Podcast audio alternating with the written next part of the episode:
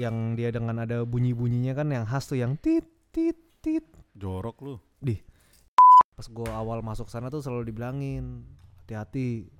Kalau di sini kalau lagi jaga malam pengawasan nanti ada yang namanya suster merah.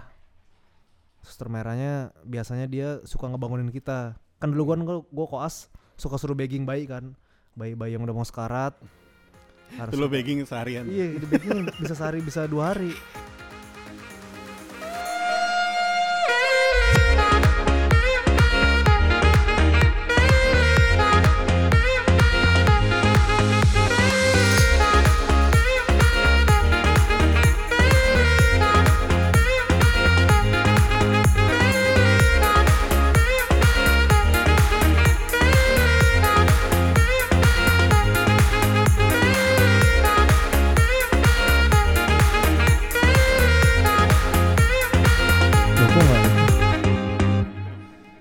Jangan ada suara dulu.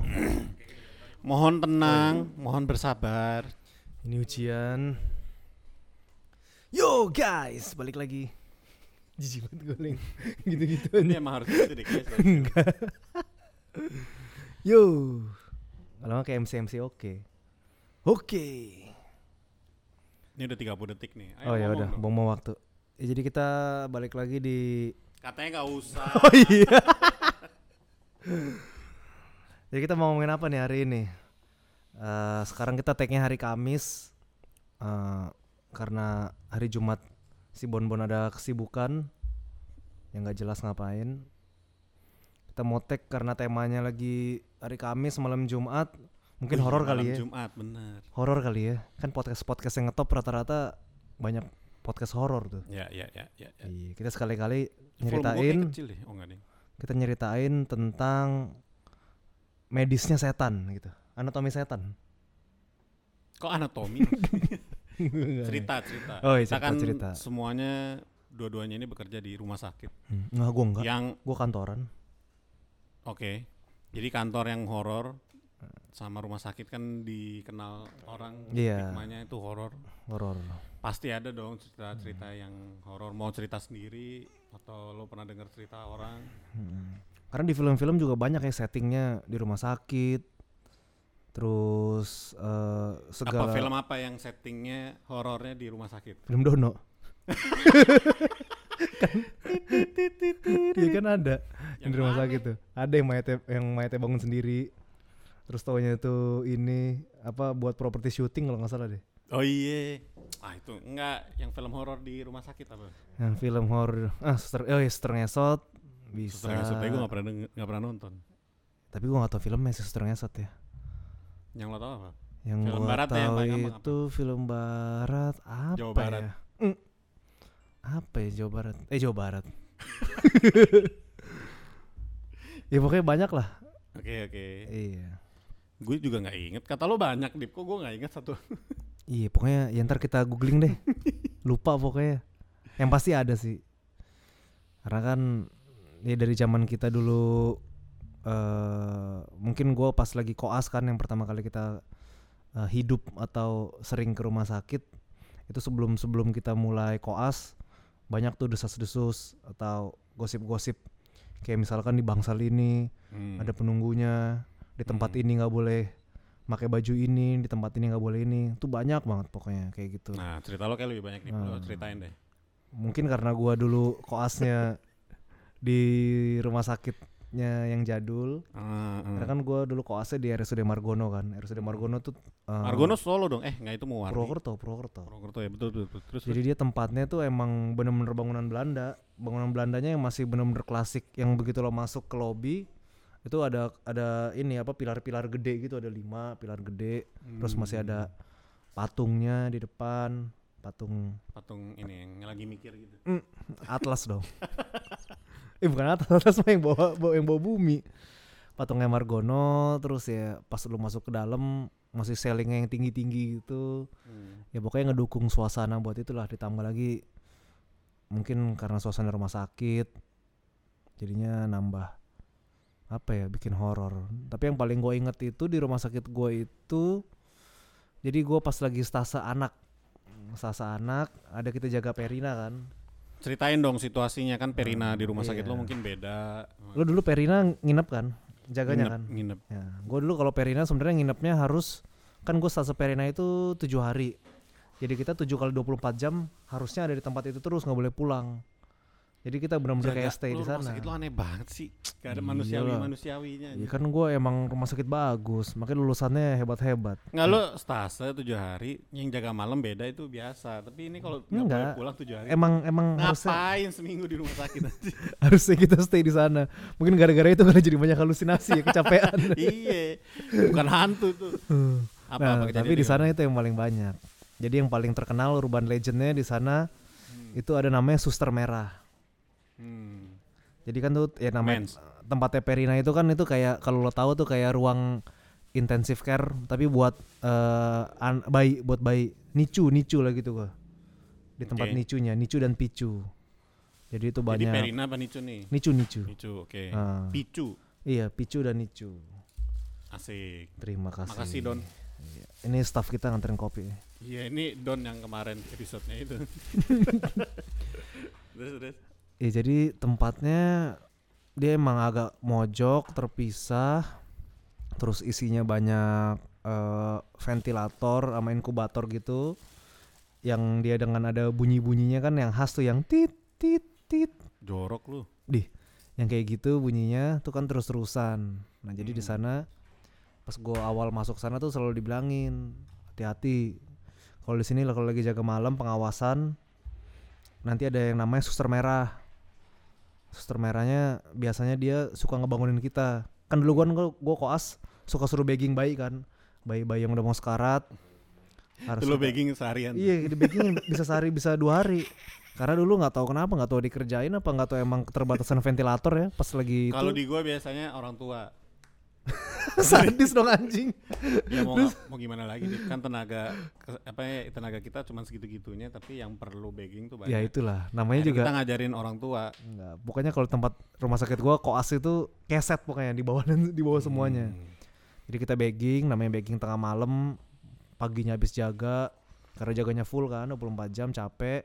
Kadang-kadang suka ketiduran. Nah, pas ketiduran itu biasanya tuh si setan merah itu dateng Tujuannya sih baik sebenarnya ngebangunin kita.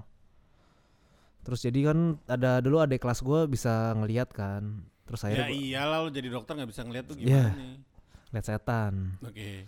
Jadi akhirnya gue tanya tuh ke dia, ini gimana sih setan merah maksudnya? Iya itu dia pakai baju suster. Oh susternya bajunya warna merah. Bukan bukan bajunya sih warna putih. Tapi yang merah tuh sebenarnya matanya bentukannya gitu. oh jadi makin sih. jadi Gua makin bayangin itu ngantuk Iya. aja susternya gitu. jadi makin serem nih. Jadi makin serem kan. Nah begitu tuh gue pas masuk tuh gue awal-awal pas mau masuk kali, itu nyetun. tuh ah, nyetun iya habis ganja kali ya matanya merah ya. Waduh. Dia kemakan episode kita yang kemarin. Iya. Terus terus. jadi gitu nah gue yang gue nggak gue sih nggak pernah ngerasain dia atau ngelihat dia ya yang pernah gue rasain kan dulu kalau tiap malam kita pengawasan kan muterin bayi-bayi kita ngelihat TTV-nya ngelihat kondisi bayi masih hidup atau enggak Hmm. harusnya kita cek tuh Karena nggak semuanya ada monitornya. iya karena semua nggak ada monitor jadi kita harus cek kita pakai stetoskop kita dengar bunyi eh, jantungnya masih ada apa enggak Hmm. kita lihat responnya kadang-kadang karena gue takut jadi gue cara ngecek cara ngecek itu dari luar gue datengin langsung salah satu akhirnya gue gebrak ininya ventilatornya aja. Apa? Inkubatornya. Inkubatornya gue gebrak kan kalau dia bayinya masih kaget oh berarti masih ada respon. Habis itu gue tinggal. gitu? serem anjir. Terus gue pernah tuh kan namanya pengawasan kan per jam kan jadi kita ganti-gantian tuh. Misalkan jaga bertiga jam satu gua jam 2 temen gua jam 3 ntar temen gua yang satu lagi ntar jam 4 gua lagi. Jadi biar bisa tidur. Cuma kan serem juga karena kan sendiri-sendiri kan kita kan. Ya. nah di situ gue pernah ngerasainnya pas gua lagi masuk itu tiba-tiba lo tahu ini kan kalau oksigen tabung yang gede itu kan biasanya kan dikasih sarung tuh. Ya. kasih sarung gitu. Harusnya sarungnya dia kan masuk kan ibaratnya kan. Ya. kayak kayak kita ny- nyarungin guling lah. Ya ya ya. nyarungin guling. Nah tiba-tiba itu sarungnya bisa jatuh. Nggak ada angin nggak ada apa nggak ada siapa-siapa. Tiba-tiba sarungnya jatuh aja kebuka gitu Iketannya kali lepas. iketannya. Nggak dia ngelawan gravitasi tuh. Di situ gue kaget tuh gue langsung lempar buku gue lari itu sih yang gua ngerasain. Sama satu lagi ya biasa lah maghrib maghrib lagi jalan tiba-tiba ada yang suara manggil nama gua. Pas gua nengok belakang nggak ada siapa-siapa. Ya kalau itu ya biasa lah gitu ya mungkin. Apa nggak tahu Kayak siapa yang video apa saat malam-malam oh iya Paham, mari paham. dong mari dong mari dong oke itu, gua- doang jadi itu yang paling serem sih yang lain-lain banyak cuma gua nggak pernah ngerasain karena gua apa yang atau cerita temen lo gitu Oh sama pernah sama pernah. Jadi dulu pas gua kalau jaga IGD ada kan namanya kamar kamarnya buat koas lah buat tidur buat istirahat. Nah di situ tuh gua lagi tuh maghrib maghrib gue tidur. Ya maghrib gue masih tidur. Nah di situ gue ngim, gua ngimpi tapi mimpi gue itu ini nggak tau mimpi nggak tau beneran ya. Pokoknya settingnya bener-bener kayak di situ. Kayak gue lagi di tempat tidur itu. Jadi kayak gue melek cuma gue nggak bisa gerak. Kan kasurnya kan kasur susun kan. Ada Hmm. atas ada di bawah. Jadi yang dari tiba-tiba dari atas gitu ada kayak perempuan rambutnya panjang itu langsung kayak ke, ke arah muka gua gitu. Tapi pas Oke. gua pas gua bangun tuh emang kosong terus emang pas lagi maghrib. Akhirnya udah gua langsung lari itu keluar itu ceritanya lo itu di kamar sendirian di kamar sendirian gua. Kamarnya gede soalnya. oh ya ya, ya. Terus kalau di tempat lu gimana? Lu kan di paling sering di mana sih? RSCM, RSCM ya? Apa di Fatmawati? sepanjang hidup gue di RSCM Oh, lu RSCM Fatmawati ya? gitu-gitu mas seminggu seminggu doang Hmm. Kan RSCM juga bangunan Belanda juga kan pasti kan Hmm. ada spot-spot yang serem lah.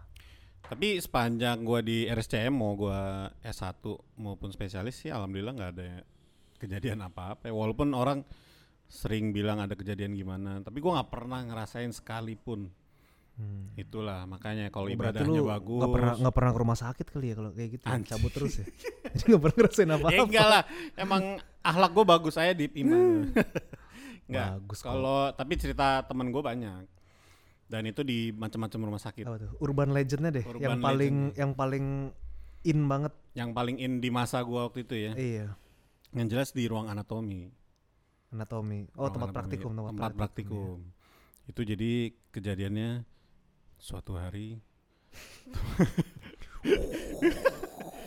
Nggak jadi itu kan anatomi itu kan eh, ada ujiannya kan. Jadi ini waktu S1 semester 3. Nah, temen gue ini eh kita nih mau ujian anatomi besokannya.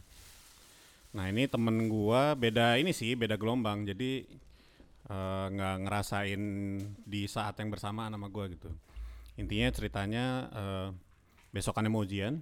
Nah, ini anak tuh dia yang rajin lah, Dip. oh Jadi dia belajar sampai sore gitu. Eh, kan Niat- kadaver gue beda kan. Kalau kadaver gue tuh udah niat di banget anjir Iya, kadaver gue tuh kan eh padahal kan tinggal nyontek aja kalau ujian mesti belajar sih nyontek gimana sih orang itu praktikum gimana sih? bisa gue praktikum Kan bisa, bisa, teng-teng bisa nyontek gitu ya. Yang ketahuan sering nyontek siapa? Jadi kada kadaver gua tuh kan udah diformalinin masing-masing. Nah. Jadi sediaan untuk eh, ujian ini pakainya apa gitu. Jadi udah jelas. per preparat berarti ya gitu per ya. preparat. Hmm. Nah, dia tuh lagi belajar nih. Ceritanya udah di suruh apa ya dikasih inilah dikasih hari untuk belajar, Hmm. dikeluarin kadaver-kadavernya.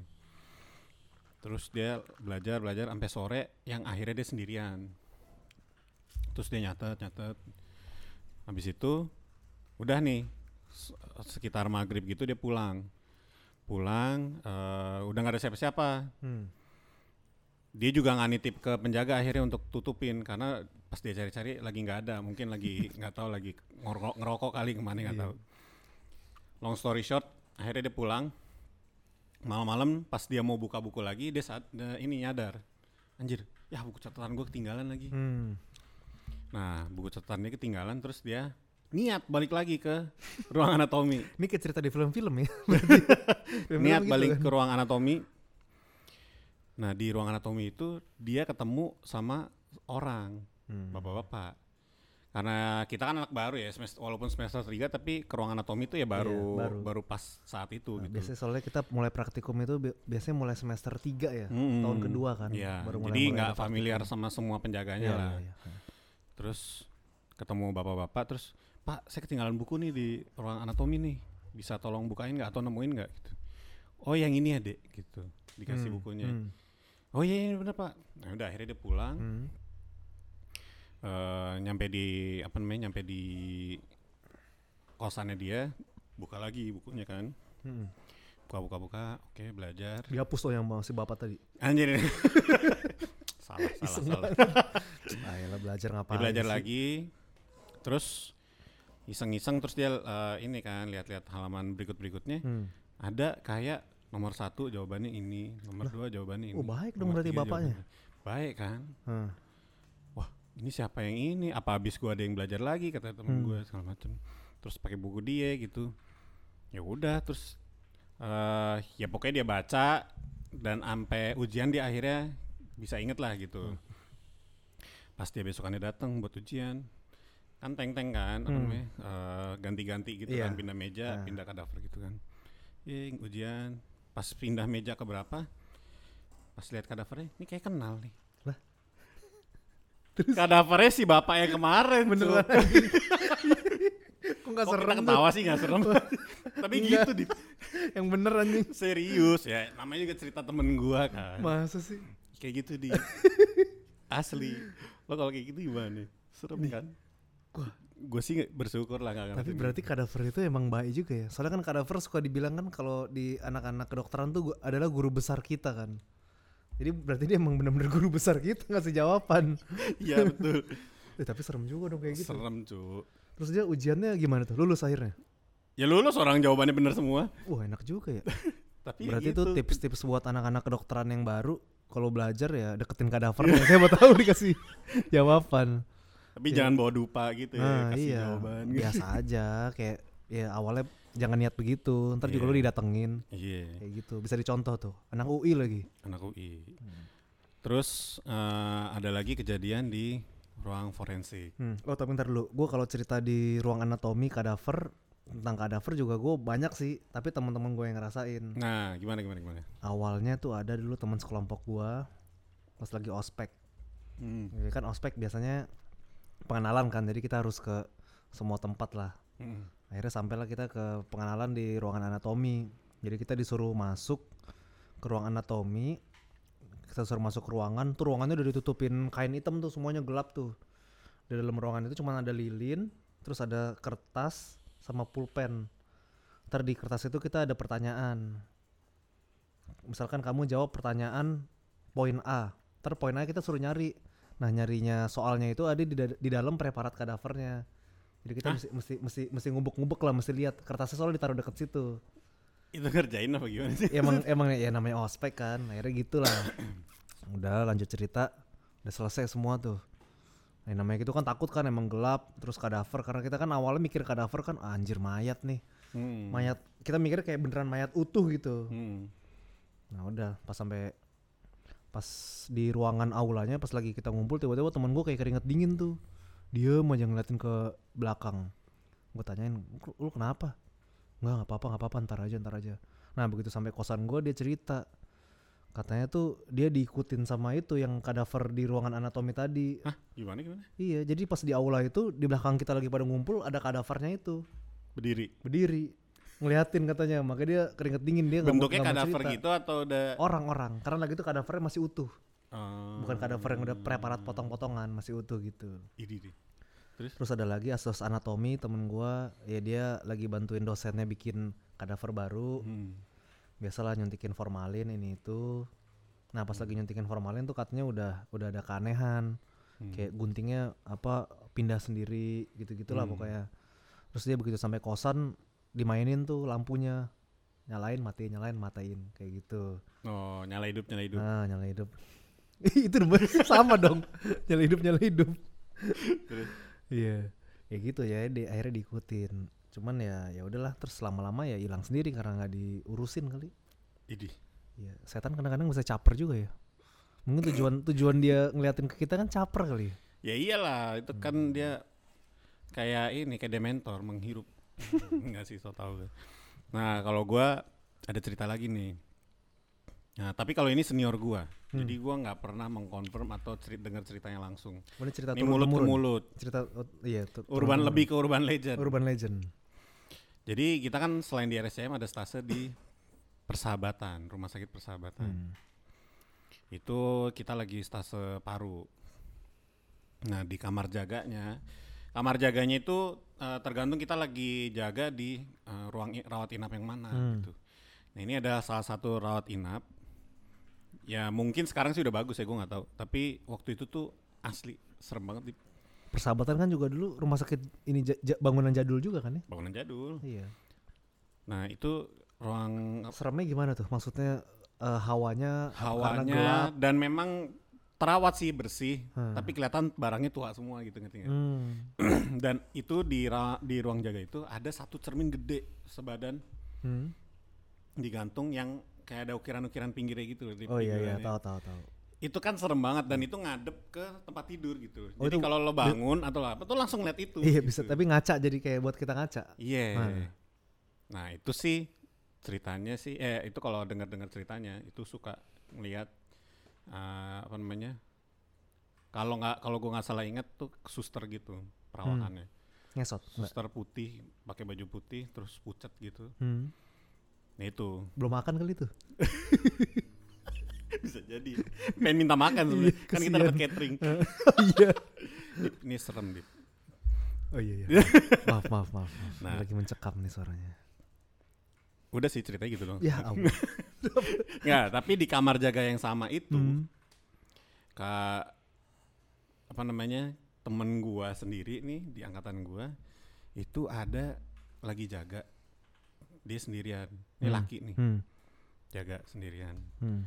kan ya kalau ada kan yang kalau kayak gua kerjanya tidur doang Iya iya. nah ini Sama tuh kita. dia ada Segolongan. kerjanya belajar Wih nih dua kali pokoknya kerjanya belajar makanya lu jangan sering-sering belajar deh Iya, biasanya di kerjaan hantu mulu lu yang sering belajar tuh yang kena mulu sama setan. Yang tidur malah aman-aman aja ya. belajar sambil dengerin lagu pakai Hmm. headphone Lagu apa tuh? Hah? Lagu apa? Tahu nggak? mana gua tahu Oh nggak tahu ya.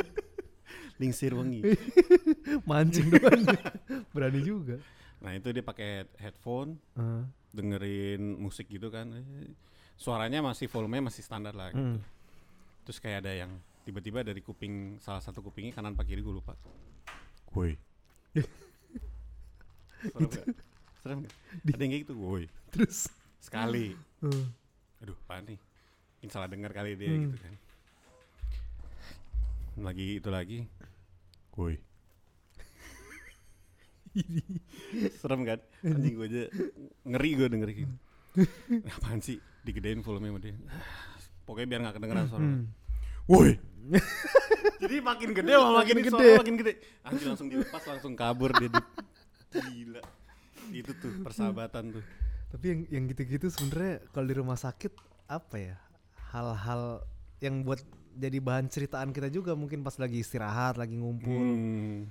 Mungkin karena semakin sering dibahas, entah kita jadi kesuges atau emang itu bener, nggak tahu. Iya. Kejadian di kita, gue juga banyak juga sih kayak gitu. Yang tadi gue tempat jaga di Perina sama Picu Nicu itu juga pernah tuh. Pas kelompok gua. Jadi kan dulu kalau jaga kayak misalkan ada dua kelompok kecil tuh kayak berlapan Mm. jadinya. Suka ganti-gantian kan. Mm-mm. Biarpun kita jaga 7 kali 24 jam tapi kita ngakal-ngakalin biar bisa keluar juga. Hmm. Jadi ganti-ganti orang doang. Nah, suatu ketika tuh ada adik kelas gua. Jadi yang jaga itu sisa berdua lagi tuh di situ karena weekend. Yang lain pada cabut tuh. Sisa weekend yang rajin-rajin doang tuh yang nggak mau cabut. Gimana gimana weekend? Jadi weekend kan, yang lain-lain pada cabut. Jadi ditinggalin aja yang yang mau jaga siapa pas lagi weekend. Oh jaga. Dia jaga karena mereka rajin. Hmm. Dia dia mau lah jadi volunteer. Yaudah gua aja deh. Udah. Dibayar nggak? Nggak. Enggak lah anjir. Terus nah pas temen gua yang lewat ini, yang cewek lewat ke ruang kamar jaganya, kan pintunya agak kebuka dikit tuh kamar jaganya. Hmm. Terus ngelihat temen gua, eh temen gua yang satu lagi ini lagi sholat, cuman dia itu sholatnya mepet ke tembok. Terus arah kiblatnya salah.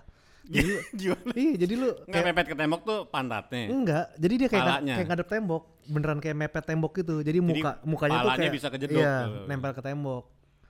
Terus karena temen gue lagi buru-buru lagi tuh lagi mau pengawasan pasien jelek kayak cuman ngelihat terus dia mikir dalam hati, loh itu kok sholat ngadep tembok gitu ya. Terus kiblatnya salah lagi. Nah udah kan.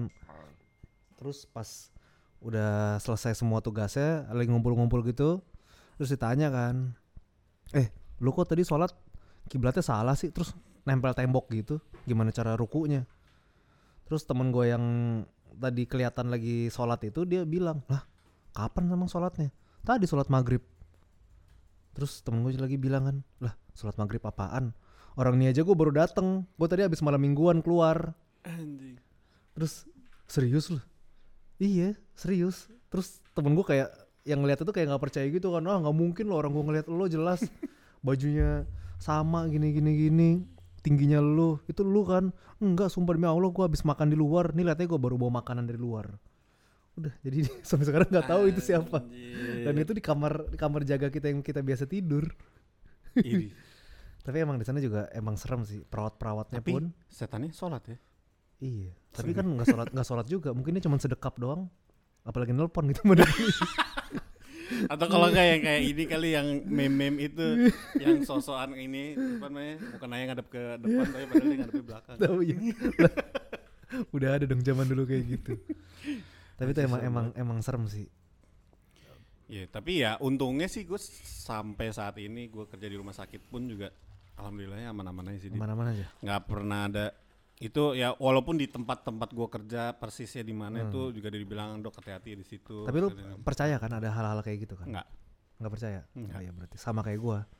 Mungkin gua gua juga bukan orang yang terlalu percaya akan hal-hal kayak gitu ya. Jadi mungkin gua nggak terlalu bisa ngerasain atau mikirin banget biarpun dibilang tempatnya angker ini itu.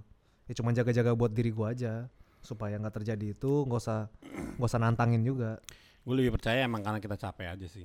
Hmm, bisa bisa kan kita bisa. jaga lama termasuk perawat-perawat itu kan juga jaganya kan lebih lama dari kita sering kali. Iya, perawat lebih Nah, capek sih jaganya lebih sih capek, iya, makanya dokter. suka ngeliat yang aneh-aneh gitu.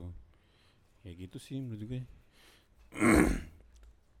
Terus nggak ada lagi? Apa ya kalau mau diceritain banyak juga sih. Lu kesurupan pernah ada nggak di rumah sakit lu? Nggak pernah sih lo ada ya? nggak pernah. Gua itu dulu kalau kesurupan itu tapi keluarga pasien sih ya. Iya. Keluarga pasien kalau yang koasnya dulu seinget gue sih nggak ada deh. Teman-teman gue juga nggak ada. Tapi, tapi kalau nah tapi kalau dari sisi pasien ada nggak lo yang aneh-aneh? Kalau pasien yang aneh-aneh hmm ada nggak ya?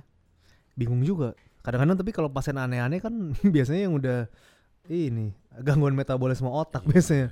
Itu yang, dia. Yang mungkin orang kadang ngiranya sering keserupan padahal dia eh, misalkan dia awalnya dari hipoglikemi atau hiperglikemi jadi ada gangguan metabolisme otak Mm-mm. itu yang sering orang salah kaprah juga kadang orang dibilangnya keserupan oh sama ini gue pengalaman menarik gue pernah waktu gue internship jadi gue internship kan dulu ada stase puskesmas kan stase puskesmas oh iya Nah, di- Lagi jadi kita di ya? lagi di puskesmas kecamatan gitu. Siang-siang tiba-tiba datang tuh eh, ini naik motor berdua. Kayak pakai baju seragam guru gitu. Kayak panik gitu dia bilang, "Tolong, tolong, Dok, ini di sekolah saya ada kesurupan massal." gue bingung kan. Lah, kesurupan terus massal. datangnya kok ke dokter Iya, kesurupan massal datang ke dokter. Wah, dalam hati gue tapi oh ini pinter nih, tahu dong. Berarti kesurupan tuh bukan selamanya hal-hal goib doang. Ya. Mm-mm. Oke, berarti ya udah gue bilang ya udah Pak, saya siap-siap dulu ya. Mm, saya cari temen dulu ya pak iya, bener-bener. Akhirnya gue nyari temen tuh sama supir ambulan sama perawat satu yang cowok kan. Udahlah kita datang naik ambulan, datang ke sana bener tuh. Gue baru sekali ngeliat kesurupan massal itu bener-bener kayak satu sekolah rata-rata perempuan itu pada kesurupan semua ada yang teriak-teriak tapi perempuan doang iya perempuan doang anehnya lagi tuh Hmm. bener-bener teriak-teriak. Jadi karena jadi gue lagi misalkan lagi ngurusin pasien yang satu terus nggak lama teman sebelahnya yang ikut ngurusin tiba-tiba ikut teriak-teriak juga. Hmm. ada yang teriak-teriak jadi macan lah ada yang Uh, uh, ngeraung-raung uh, uh, uh, gitu. Iya. Terus terus gue bingung kan anjing gimana caranya nih? Terus akhirnya gue mikir-mikir-mikir oh gue inget ya ini kan dulu kan kalau kita belajar di stase jiwa tuh kayak ada ini kan histeria konversi kan iya itu. histeria konversi itu ngomong. dia kan nular kan nular ya lewat gelombang cewek terutama Iya. gampang lewat lewat gelombang itulah ada gelombang otak yang dikirimin dari kita nanti kena stimulus ke otak orang lain Hmm. itu bisa nimbulin eh, dampaknya kayak gitu akhirnya gue bilang oke deh gini jadi yang serupan jangan dijadiin satu ruangan dipisah gitu akhirnya udah begitu dipisah selesai semuanya. Ternyata gitu doang. Jadi kalau ada orang tapi waktu itu emang kelihatan kesurupannya kayak gimana emang? Ya itu ada yang teriak-teriak ngerong-rong nangis-nangis. Guling-guling gitu gak ada yang guling-guling. Awalnya katanya yang awal kesurupannya dibilang ngelihat ini lihat kuntilanak di kamar mandi. Jadi katanya Hmm. kamar mandi masih baru gitu baru dibangun. Belum ada selamatan. Itu nggak tahu sih hubungannya apa ya kalau belum selamatan sama ada kuntilanak setan kamar itu. mandi dibikin selamatan tuh buat apa? makanya nggak tahu itu orang Dep orang Depok kali ya Terus mau Gitu ya. doa-doain sampingnya WC gitu kan kagak. iya kan Gak lucu juga ya nah itu jadi awalnya gitu nyamber tuh uh rame banget pas itu ya, tapi secara medis sebenarnya bisa di Hmm. ada teorinya kan ya itu ada tadi. ada teorinya semuanya Oke. jadi nggak selamanya itu kalau lo lihat kesurupan itu memang beneran ke- kerasukan mungkin kalau kerasukan kita gua nggak bisa ngejelasin secara medis ya karena kita nggak belajar Hmm. tentang hal, hal supernatural cuman kalau yang kerasukan dari kacamata medis ya seperti itu ya namanya prosesnya itu kali stereo konversi kali ya Ya dan tadi kan terbukti emang makanya cewek Hmm, doang gitu kan. iya. Yang cowok tuh karena emang ka- Apa ya? secara teori emang lebih susah. lebih stabil kali emosinya stabil, mungkin ya iya. kalau cewek kayak Cowok tuh logis mulu gitu loh. hmm. Aduh ada backsound lagi. Ah. iya. Ada suara setan beneran nih. Suasana lagi mencekam malam Jumat. Aduh. terus apa lagi? Yang pengalaman lo di Kalau yang paling gua itu sih yang ya, di Singkawang nggak ada yang di Singkawang. Itu kan daerah eh, Kalimantan kan. Itu kan banyak hal mistis tuh pasti. Apalagi lu datang ke daerah baru. Terus lo kayak denger misalkan urban legend di sini nggak boleh kayak gini. Nggak boleh ngeliatin cewek sana takut ntar pindah. titit lu hilang Ya itu banyak dikasih ujangan sih, tapi Oh, gak iya. ada sih yang kejadian sampai ada. itu. karena nggak lu nggak karena nggak lu lawan kali coba lu lawan misalkan lu pegang pantat cewek gitu Karena gue mikirnya setahun gue balik deh. Jadi sekali lagi gue nggak nggak berani aneh-aneh. Udahlah, iya. gue tuh setahun juga cari aman pindah ya. ke Jakarta. Udahlah, gak usah aneh-aneh gitu. cari aman ya Ya udah gitu aja sih, Dip. Nggak ada pengalaman apa lagi gue. masa dikit doang nih padahal Apa ini? Ini aja setengah jam tuh. iya padahal pengalaman rumah sakit sebenarnya banyak sih kalau dipikir-pikir Banyak. Tapi ya kalau gue dari sisi yang orang jujur aja nggak percaya. Jadi gue selalu kayak gue tengah malam datang ke Dharma East karena gue harus visit segala Hmm. macam. Tapi snail jazz gue sama name tag gue kan ada di ruangan gue semua Hmm. udah gelap segala macam. Gue mah masuk Lu masuk ambil aja, biasa. santai aja. iya Paling ya ngeri ngeri dikit tapi santai aja. iya B- Itu mungkin bayangan gue aja gitu. mungkin berarti orang yang ke kedampak sama hal-hal kayak gitu mungkin yang dia benar-benar percaya kali ya yang dia Karena denger cerita orang terus percaya makin ngeri akhirnya dia kesuges kali ya otaknya Iya, jadi terproyeksi dari diri, diri sendiri gitu. Nah, Akhirnya juga- jadi kayak paling cuman bayangan apa tapi dianggapnya apa. Nah ini juga jadi tips buat orang-orang yang penakut ya Gimana caranya dari penakut pemberani Karena gue jujur dulu gue Pas gue sampai gue SMA Itu gue penakut banget. Emang terus- sampai sekarang nggak? Sekarang udah enggak Sekarang gue udah berani sumpah. Sama kecoa? Eh itu beda lagi anjir. Gue mending ketemu pocong. Jadi begitu gue kuliah Karena gue ngekos sendirian Gue dipaksa harus berani. Apalagi gue juga tinggalnya di eh, kos-kosan yang jadul Terus harus lingkungannya rumah sakit. Jadi makin ke sini gue makin berani. Sekarang gue di rumah sakit gue Kalau dibilang ada aneh-aneh Gue udah udah biasa aja. Gue tidur di ruangan yang angker aja Gue biasa aja nyenyak-nyenyak aja. Sementara yang lain tidur di situ kayak katanya rep-repan lah Digangguin kasurnya digoyang-goyang. Gue pernah ngerasain goyang-goyang Cuman ya udah gue lanjut aja orang gue emang ngantuk gimana lagi? Malah enak ya kayak malah enak iya. goyang-goyang. Nina Bobo. Iya. Siapa tahu emang pengen goyangin lu di. kayak goyang Gisel gitu Oke, segitu aja. Bye bye.